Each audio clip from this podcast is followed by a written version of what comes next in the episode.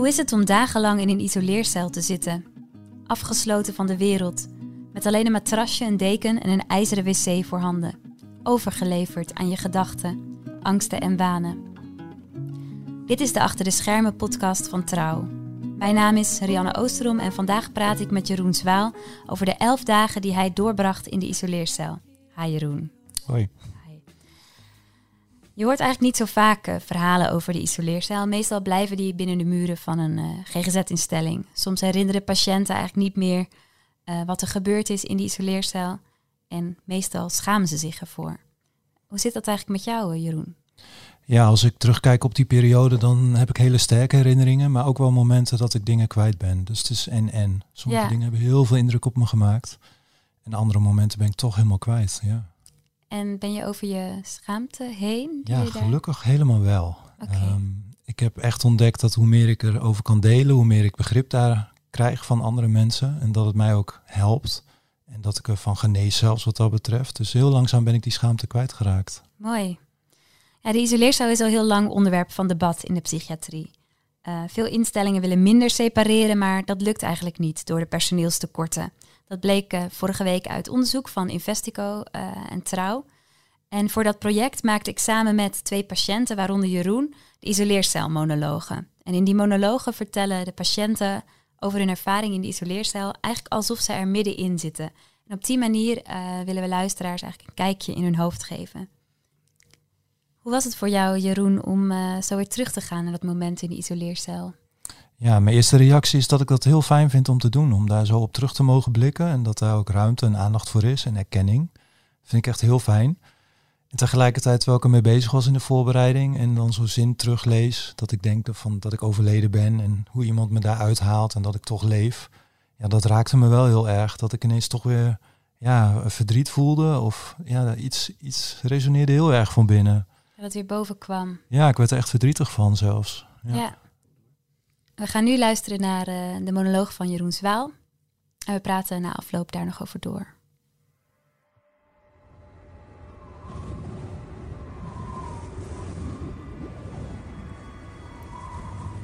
Ik wist tot vandaag niet dat graafmachines een balletvoorstelling kunnen geven. Ze dansen, steeds als ik uit het raam kijk. Ze zwieren met hun stalen armen, omhoog, omlaag. De ene machine is geel, de andere is blauw. Volg met mijn ogen de grond die ze optillen en neergooien. Het gaat uren zo door. Dit is een cadeau van de wereld, speciaal voor mij, ik weet het zeker. Ik heb een blauwe dekel als mantel om me heen gewikkeld. Mijn scheurjurk ligt in de hoek naast de stalen wc zonder bril. Over die scheurjurk, hè, daar vind ik wel wat van. Je kunt het beter een paljas noemen, dat lelijke hemd. Want dat ben ik toch ook? Een grappenmaker, een zot. Scheuren klinkt zo negatief. En scheuren is nou precies wat dit hemd niet doet. Als ik deze naamsverandering voorstel, dan kunnen ze er niet om lachen, de hulpverleners hier. Je mag er geen grapjes over maken, dat kwetst anderen. Als we dat scheurjurk paljas noemen, Nee, mij in een jurk laten rondlopen. Daar word ik zeker beter van. Een verwarde man in een jurk, kom op zeg. Liever dan wat humor erbij. Ze zeggen dat ik ziek ben, een gevaar voor mezelf. Maar het gaat goed met mij. Ik voel me eindelijk krachtig. Krachtig genoeg om mezelf recht in de ogen te kijken. En ik, Jeroen Zwaal, bepaal zelf wel wat ik aantrek. Dus ik heb er iets anders op verzonnen. Ik trek de scheurjurk uit en wikkel een blauwe deken om me heen. Dat kost wat moeite, maar ik heb de hele dag de tijd en het lukt me steeds beter. Ik voel me een sumo-worstelaar in deze kleding. Ik voel me sterk, onoverwinnelijk. De hele mensheid loopt achter me aan, want ik ben het voorste deeltje van een lichtstraal. Dat is een rol die ik eigenlijk niet aan kan, die ik moet opgeven, maar het lukt niet. De weerstand is te groot. Ik wil deze rol niet meer hebben, ik wil hem afleggen, ik kan het niet meer. Maar wie neemt deze plek van me over? Jij misschien, die naar me luistert? Nee, natuurlijk niet. Dit beeld ik me in, want ik zit hier alleen in deze kale ruimte. Ik voel al dagen energie bij mijn derde oog, onbedwingbare energie. Ik moet rennen, maar dat kan niet. Deze ruimte is te klein. Vanaf het matras dat op de grond ligt, kijk ik aan tegen een zware deur. Een zwarte deur. Het gordijntje aan de andere kant heeft steeds een andere kleur. Dan weer bloemetjes, dan weer streepjes. Want met klittenband kunnen ze de gordijntjes vastplakken op de drie deuren van de verschillende isoleercellen. Als er een crisis buiten de deur gaande is, dan schermen ze dat af, alsof ik het niet meekrijg. Er is al even niemand bij me geweest. Ik voel me alleen. Ik schreeuw alles uit mijn lijf. Het zijn geen woorden meer. Alleen het schreeuwen en trap tegen het matras. Ik smijt het door de kamer. Ik brul als een leeuw die klem zit in een te kleine kooi. De twee anderen in de isoleercellen beginnen terug te roepen. Hou op, schreeuwen ze terug. Kap ermee. Maar ik heb een maling aan. Ik schreeuw de hele nacht door. Tussendoor druk ik op de rode knop, steeds opnieuw. Ik vraag om hulp, maar er komt geen reactie. Het is ochtend als Jacques me wakker maakt. Jacques is een oudere man. Hij is altijd rustig. Als hij de deur opent, slaap ik nog en ik heb een enorm wit licht om me heen. Ik realiseer me dat ik dood moet zijn. Dit was het dan. Alles is wit, puur en licht. Maar Jacques maakt contact en hij maakt me wakker. Hij zegt dat ik niet in de hemel ben, dat ik gewoon ga ontbijten met hem. Hij zegt dat steeds opnieuw, dat ik niet dood ben. Hij haalt me uit de isoleercel. We gaan samen zitten in een bijruimte. De werkelijkheid komt langzaam weer binnen. Inderdaad, hij heeft gelijk. Ik leef nog.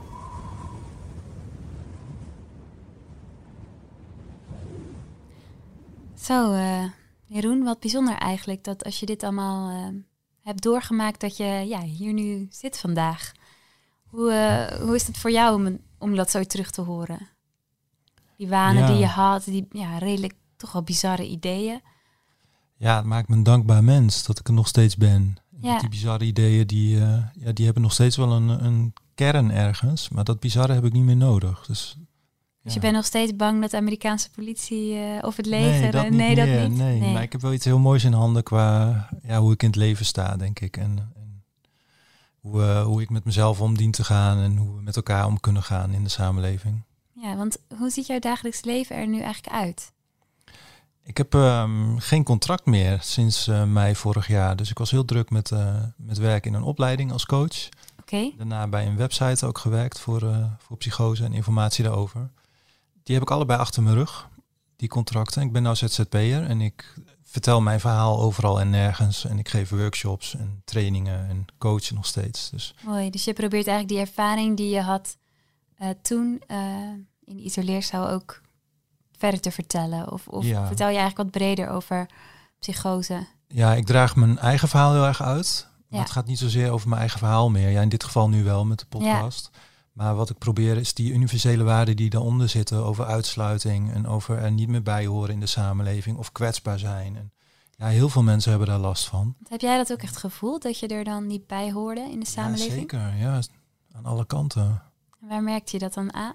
Ja, en die rolverschillen. Zodra er een arts is die beslist over je, dus je bent patiënt, dus je, dus je bent al minder waardig. Zo snel gaat het eigenlijk al. Je kunt ook zeggen dat die arts juist naar jou omkijkt. Als die dat zou doen, wel, ja. Ja. Ja, nee, ik heb daar echt wel ervaringen mee dat de arts eh, vijf minuten voor het eten naar me toe komt van ja, eh, ik heb een gesprek met je over de RM. En juist Wat is een RM? Ja, dat is een rechterlijke machtiging. Dus, dus de beslissing of ik nog steeds gedwongen opgenomen mo- moet zijn. Oké, Nou, en als ik dan iemand ben die juist heel veel structuur nodig heeft en eindelijk weet dat we om half zes gaan eten, moet je natuurlijk niet om half zes, vijf voor half zes bij mij aankomen. Nou, nee, daar had ik heel veel moeite mee. Dus ik, ja, ik ben daar ook gevoelig voor, ook uit mijn verleden. Een relatie met mijn vader die ingewikkeld was. Dus autoriteit is al lastig. En dan ben ik heel kwetsbaar en gespannen en gestrest. En dan komt een arts toch vanuit zijn rol van ik weet hoe het is en ik beslis over jou.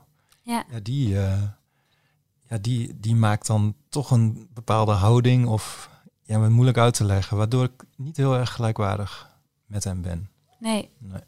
oké. En ehm, ja, laten we even bij het begin beginnen. Want hoe kwam jij eigenlijk, hoe kwam je eigenlijk in die isoleercel terecht? Ja, dat is als, ja, waar is dan het begin? Dat is natuurlijk op het moment dat ik ontspoor. En er is een begin dat het al veel langer aan de hand is, waar ik last van heb. Ja, Maar dat, dat moment van ontsporen, dat was wel heel duidelijk aan te wijzen dat ik eigenlijk in drie dagen tijd volledig in de war raakte. Door allerlei problemen die speelden. Eh, bijvoorbeeld heel druk op mijn werk, overbelasting. Ehm, maar in die ontsporing sliep ik niet meer. En ineens had ik ook een hele gekke blik in mijn ogen. En dat zag mijn vrouw ook heel duidelijk. En in dat moment ergens in die week eh, heb, ik, heb ik mijn vrouw eigenlijk buitengesloten bij de keukendeur en mijn dochter en ik binnen. Ja, En dat was voor haar het moment om de politie te bellen. dat ervoer zij als heel bedreigend. Ja, heel. Ja. ja.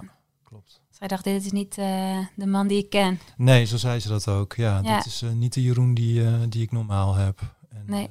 Het was ook goed dat ze daarmee de politie heeft gebeld. En het is ook goed dat ze me toen eh, uit het huis hebben meegenomen. Zeker. Heb je eigenlijk een geschiedenis eh, met psychoses?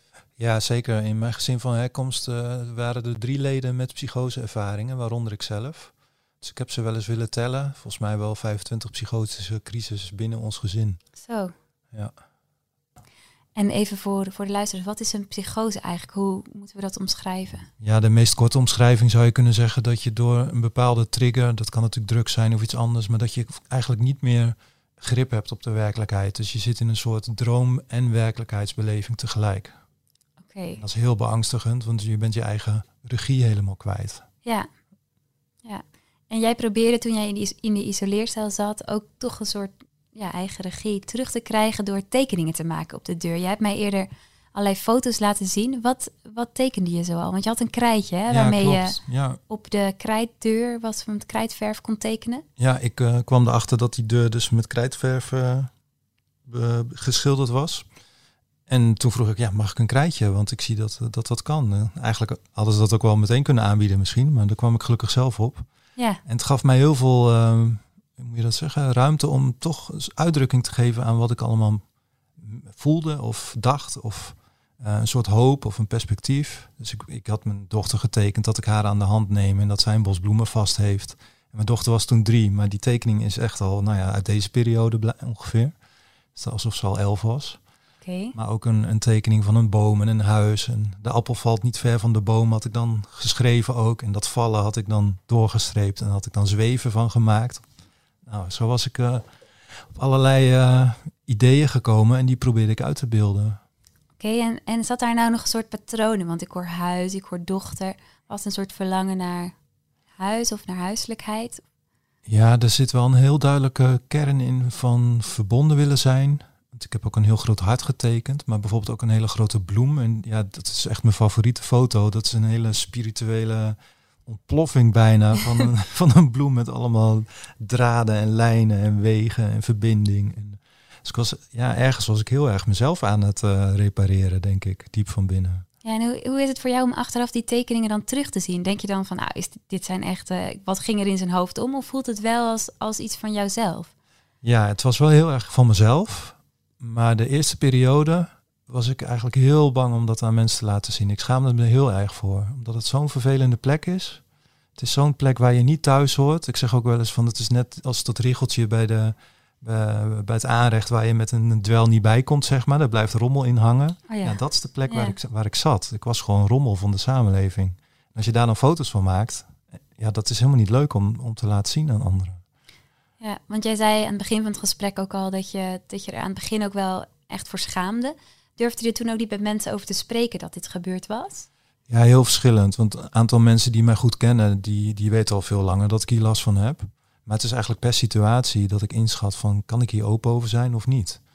En zelfs al in mijn rol als hulpverlener kon ik er niet open over zijn in de eerste keren dat ik psychotisch was. Want ja, dat, dat, eh, dat vond ik te riskant. Ik had geen vast contract, dus dan zou ik ontslagen kunnen worden om die reden. Dus dan hield ik netjes mijn mond. Want hoe, ja, hoe keek jij zelf dan aan tegen mensen die in een isoleercel terechtkomen? Ja, met een dubbele pet op. Dat ik het van binnen heel goed weet hoe dat is. En tegelijkertijd eh, zie ik ook dat het nodig is. Als iemand zo ontspoord is en eh, ja, wel iets nodig heeft aan kaders om weer tot rust te komen, is dit soms eh, de uiterste mogelijkheid die de samenleving biedt, inderdaad. En hoe kijk jij dan aan? Er is nu natuurlijk een hele beweging eh, bezig om isoleercellen te sluiten. Nou, vorige week stond in onze krant dat het eigenlijk nog helemaal niet goed lukt om, eh, nou ja, om die separeer dicht te doen. Mhm. Ehm, vind je dat een, ja, vind je ook dat niet dat dat per se nodig is? Dat proef ik een beetje bij je. Nou ja, in mijn geval heeft achteraf gezien toch die isoleercel heel erg geholpen, omdat ik daar heel erg boos ben geweest. Dus, maar dat was niet de intentie van de hulpverleners om mij op die manier een soort exposure therapie aan te bieden. Dat is denk ik omdat ik mijn eigen draai eraan heb gegeven, ook met die creativiteit. Maar heel veel mensen kunnen dat niet. Die voelen zich zo eh, slachtoffer of zijn zo in paniek of angstig. Ja, als je dan niet het vermogen hebt om die situatie naar je hand te zetten, dan krijg je eigenlijk een trauma erbij.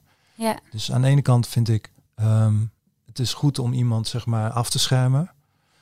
Aan de andere kant, ja, die menselijkheid is zo belangrijk. Je bent zo alleen, je hebt zoveel houvast nodig van je medemensen. Om dan iemand juist op te sluiten, is het omgekeerde wat dan, dan de bedoeling, denk ik, wat goed Ja. voor iemand is. ja, er zijn ook veel wetenschappelijk onderzoeken hè, waaruit blijkt dat eigenlijk averechts werkt voor de behandeling eh, van een patiënt. Ja.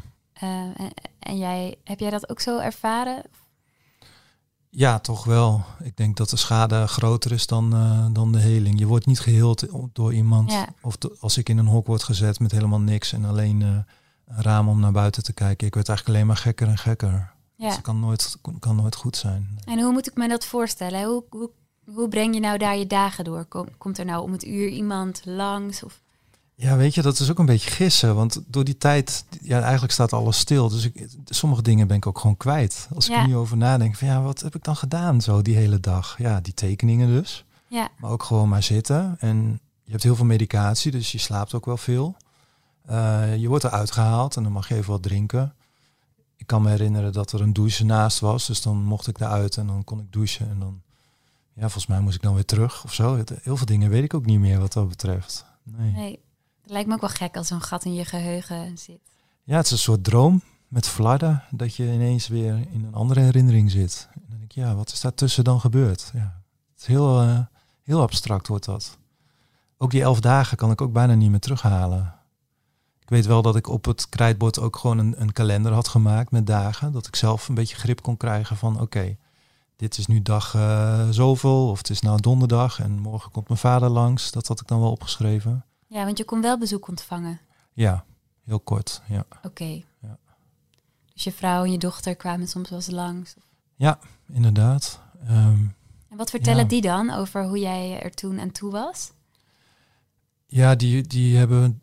Ja, dat weet ik eigenlijk niet zo goed. Hoe, ehm, ze- mijn vrouw had wel heel erg in de gaten dat ik heel erg afgedwaald was en heel erg verward was en heel ziek was. En dat, ze, dat zei ze laatst nog. Dat ze het ook wel nu, zeg maar, toen was het heel beangstigend, maar nu dat ze het ook wel mooi vond om dit van zo dichtbij te hebben meegemaakt. Dat ik ogenschijnlijk wel oké ben. Maar als je dan even iets doorvraagt, dat ik dan in allerlei associaties en dat je dan meteen ziet van ja, dat gaat echt niet goed met Jeroen. Ja, Dus dat ze daar getuige van was, is voor haar nu ook wel iets, iets bijzonders om te hebben meegemaakt. ja dat brengt je misschien wel dicht, dichter bij elkaar of zo. Ja, Ja. ja. Er zijn ook mensen die zeggen van eh, in psychoses kun je ook allerlei inzichten krijgen of, of daar kun je ook iets, eh, iets moois in ontdekken. Kijk jij er ook zo op terug of heb je dat? Ja, gelukkig wel. Oké. Anders zat ik hier niet. Nee. Ik, ehm, het heeft mij gewoon alles geleerd over mezelf. Ik ben zo dwars door me heen gegaan, om mezelf heen en mezelf binnenste buiten gekeerd. En onder en boven en links en rechts, weet je, alles is zo door de war geschopt. En ik heb dat allemaal weer bij elkaar gezocht. Ja, dat maakt dat ik nu met, al, ja, met heel veel rust alles aan kan gaan en met vertrouwen. Ja. Dus ja, zo kijk ik er wel naar, toch? Ja. Ben je niet meer bang dat het nog een keer gebeurt? Nee, die je vraag krijg ik heel, vraag, heel vaak. Ja, Nee, dat is echt voorbij. Ehm, ik heb jarenlang wel gedacht van, nou, er is natuurlijk een kans dat ik het weer krijg. Dus ik hou er zo goed mo- mogelijk rekening mee. En ik ben er niet bang voor. Dat was een soort dubbel, eh, dubbele lijn. ja, Eh, maar de laatste tijd ben ik echt zo eh, gegroeid. En ehm, ik heb één keer nog een moment meegemaakt dat ik echt heel veel eh, kracht voelde. En dat ik heel veel ging associëren weer. Nadat ik een hele belangrijke beslissing had ge- genomen in mijn leven. Maar ja, ik kon dat toch handelen. Dus ik ben weer netjes eh, gedaald en gezakt. En eh, gewoon mijn werk blijven doen. En mensen ook ervan overtuigd dat het oké met me was. oké. Mensen maakten zich wel zorgen. Ja, Dus ja, ik heb niet meer nodig. mooi. En daar ben ik wel blij om. Want als ik nu zie, als je het nodig hebt, dan moet je iets van tien weken wachten. Dus ja, Eh, een behandeling bedoel Ja. je? Ja, door de wachtlijsten. ja precies. Ja, die eh, zijn nu wel iets korter, maar nog steeds niet eh, Ja, gelost. precies. En nog één vraag, Jeroen. Ehm, jij werd natuurlijk in de isoleercel geplaatst. Elf dagen, best een heel lange tijd. Mhm. Intentie was eigenlijk om jou tegen jezelf te beschermen. Ook had jij het idee dat dat eigenlijk niet op die manier nodig was. Mhm. Wat had jij nou nodig gehad op dat moment? Zo, ja, dat is wel een hele moeilijke vraag. Want ehm, ja, er is ook niet heel, zo heel veel anders. Hè? Wat ik nodig had gehad, is denk ik eh, een, een hele sterke hulpverlener die aan de ene kant mij echt kon begrenzen en kon duidelijk maken van hé, hey, dit is er aan de hand en je hoeft het niet met me eens te zijn. Maar het is echt niet oké met je. Ehm, die mij dwingt eigenlijk om, om te volgen. Ik denk dat dat het is in al mijn eigen wijsheid. Maar dat op zo'n manier doet dat het niet autoritair is en niet gevaarlijk en niet met spanning en niet met angst. Dus dat je dat ook op een liefdevolle manier kan doen.